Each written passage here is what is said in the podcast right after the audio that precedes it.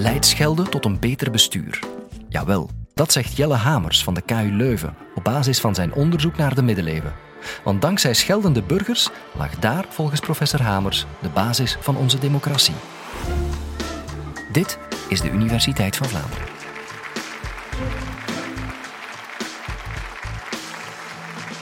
Wat is het belangrijkste scheldwoord uit onze geschiedenis? Wel, het antwoord is levereter. Allicht heeft u nog nooit iemand uitgescholden als een levereter of weet u niet precies wat dat woord betekent. Wel, vandaag ga ik u eens uitleggen wat het precies betekent, maar ook waarom het zo belangrijk is geweest in onze geschiedenis. Wel, samengevat zal het hierop neerkomen, namelijk dat het gebruik van dat scheldwoord geleid heeft tot meer democratie in onze samenleving.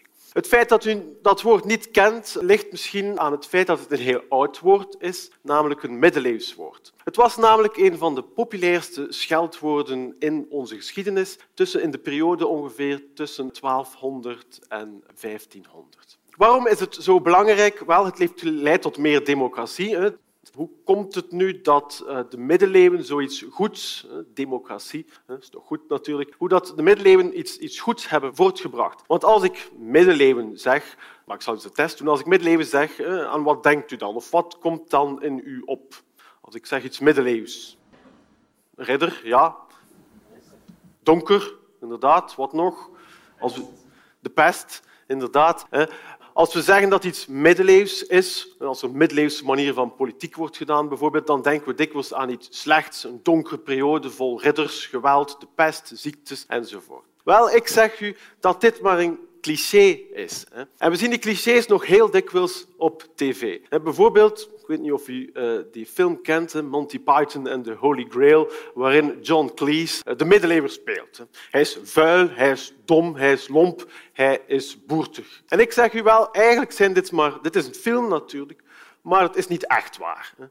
De middeleeuwen zijn helemaal niet zo lom en boertig uh, zoals we soms denken. Integendeel, het is een, de middeleeuwen zijn een samenleving waar heel wat nieuwe ideeën zijn geboren. Wel, maar hoe komt nu dat die clichés nog zo levendig zijn? Of waar komen die vandaan uh, eigenlijk? Wel, ze komen uit de middeleeuwen zelf. Hè, en dat is zo eigenaardig. Want u zal nu een miniatuur zien, dat is een prent uit de middeleeuwen zelf, waarin u die middeleeuwers weer eens ziet vechten. U ziet ze hier op elkaar slaan en een paar in het water vallen en verdrinken.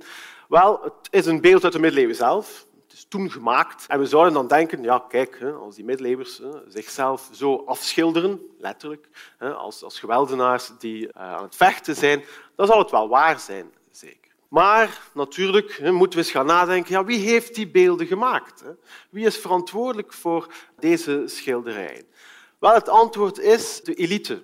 De rijkeren in de samenleving hadden het geld en de middelen om dergelijke beelden te maken. En in die beelden schilderen zij de gewone mens af als een dommerik, als iemand die altijd maar vecht. En u vraagt u zich misschien af, ja, maar waarom dienen die beelden dan? Wel, de elite die die beelden maakte, was bang voor de gewone man. Bang dat hij geweld zou gebruiken tegen de, de elite. Hoe kunnen we nu weten wat die gewone mensen op die prent echt dachten? Hoe was het dan echt? Als het niet echt is, hoe was het dan echt in die middeleeuwen? Wel, dat is nu wat ik probeer in mijn onderzoek te doen. We moeten als een detectieve op zoek gaan naar teksten waarin die gewone mensen aan het woord teksten die eigenlijk nog heel veel bewaard zijn in archieven. Gewone mensen kwamen namelijk dikwijls met het gerecht in contact als zij een politicus uitgescholden had. En dan zal men in dergelijke teksten de woorden gaan citeren die die gewone mensen gebruikt hebben. En wat hebben ze gezegd? Wel, levereter. is een van de belangrijkste scheldwoorden uit die tijd. Wel, wat betekent levereter nu eigenlijk? Het lijkt zo'n heel naïef scheldwoord. Hè, dat verwijst naar foie gras of zoiets, hè, maar dat is helemaal niet waar. Er zit een heel gesofisticeerd of politiek programma bijna achter. Want de middeleeuwen wist wel degelijk dat de lever een heel belangrijk orgaan was, zonder het welk je niet kon leven. Dus als iemand je lever opeet, dan, ja, dan word je ziek en dan sterf je af. Nu, waarom zal men dat woord specifiek voor politici gebruiken. Want dat valt op in die periode tussen 1200 en 1500 worden steeds meer politici uitgescholden als levereter. Wel, men gebruikte dat woord als men wou zeggen dat de stad kapot ging gaan. Nu, om dat te begrijpen moet u een tweetal dingen weten. Namelijk één, dat in de middeleeuwen steden heel belangrijk waren. België bestond natuurlijk nog niet. Ons land werd bestuurd vanuit de steden, steden zoals Gent, Antwerpen, Brugge, Brussel enzovoort. De bestuurders van die steden, de burgemeester en de schepenen, waren de belangrijkste politici eigenlijk eh, in hun land. Zij waren het hoofd van de samenleving. En dat is meteen het tweede ding dat u moet weten, namelijk dat de toenmalige stad vergeleken werd met een lichaam. De schepen en de burgemeester waren het hoofd, terwijl de gewone mensen, normale mensen, u en ik, de buik waren. Lever, de organen, die werkten om dat lichaam in beweging, in leven te houden.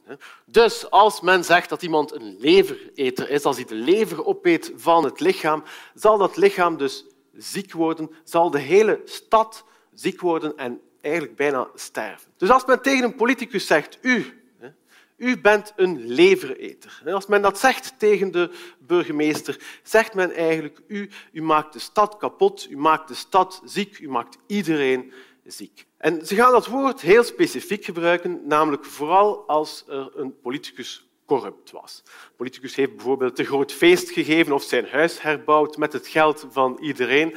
Wel, die man is een levereter. Hij heeft iets opgeeten van de gemeenschap, waardoor de gemeenschap zal afsterven en eigenlijk die persoon moet verdwijnen.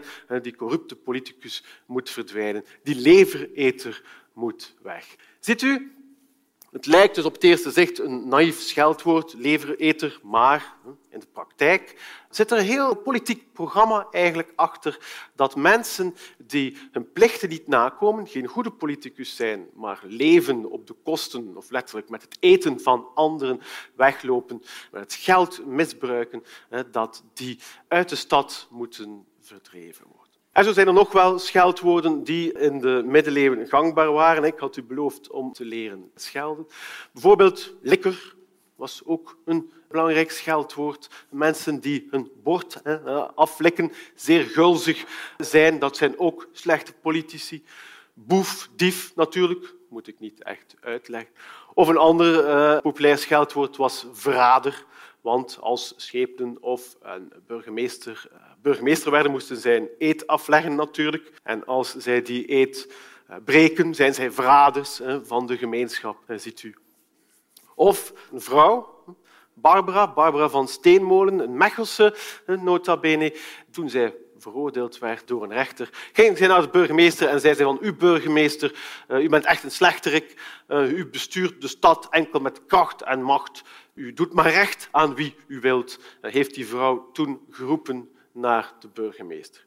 Dat is misschien niet zo spectaculair, geef ik toe, maar het toont aan dat ook vrouwen in de middeleeuwen verregaand hebben geprotesteerd tegen hoe politici de stad bestuurden. Het is soms ook een cliché dat de middeleeuwen een mannenmaatschappij waren, maar dat is helemaal niet waar. Ook vrouwen hadden rechten en ook toen konden vrouwen wel eens opvliegend zijn en scholden zij politici uit als zij niet met hen uh, akkoord waren.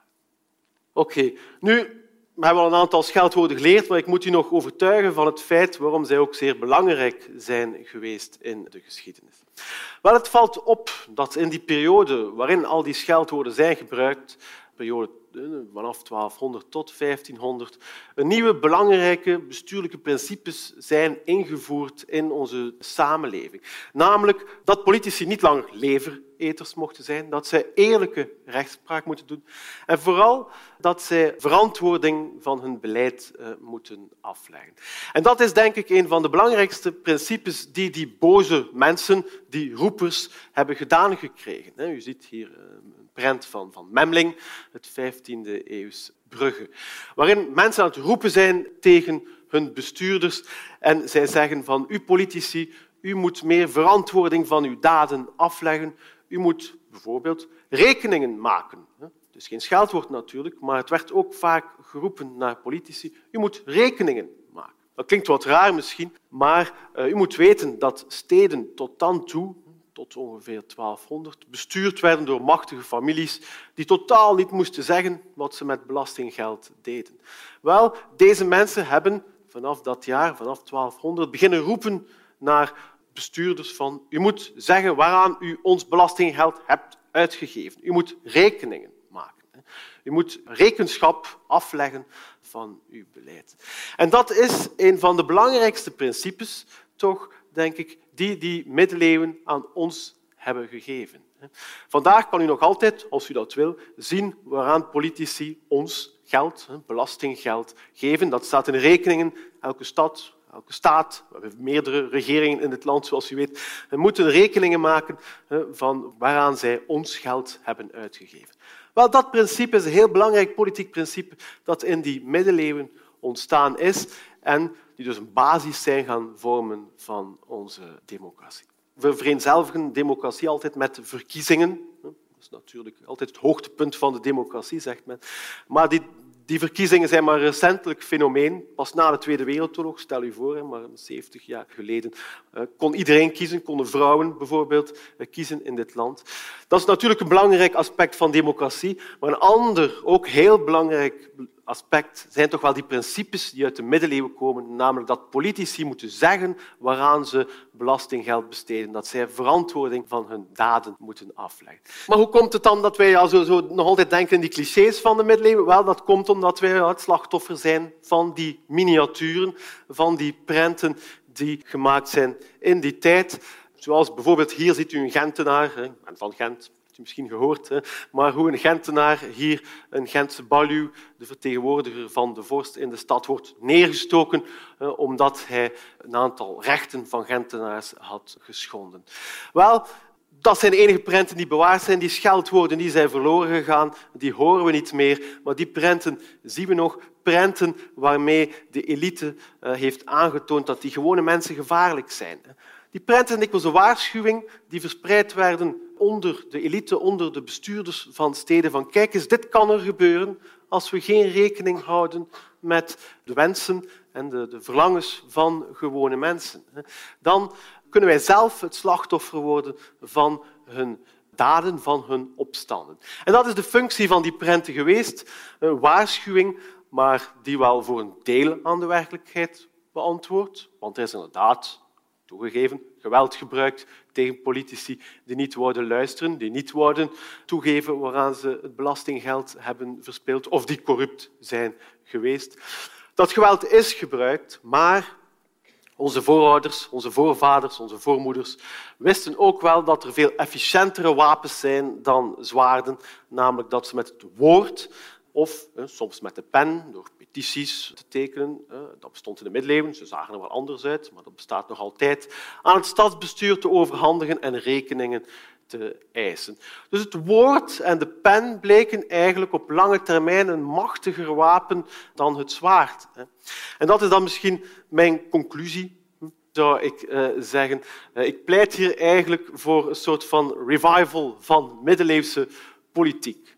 Wel, gebruik het woord, gebruik de pen of het klavier nu natuurlijk om uw eisen kenbaar te maken. Ga geen scheldwoorden gaan gebruiken die kwetsen.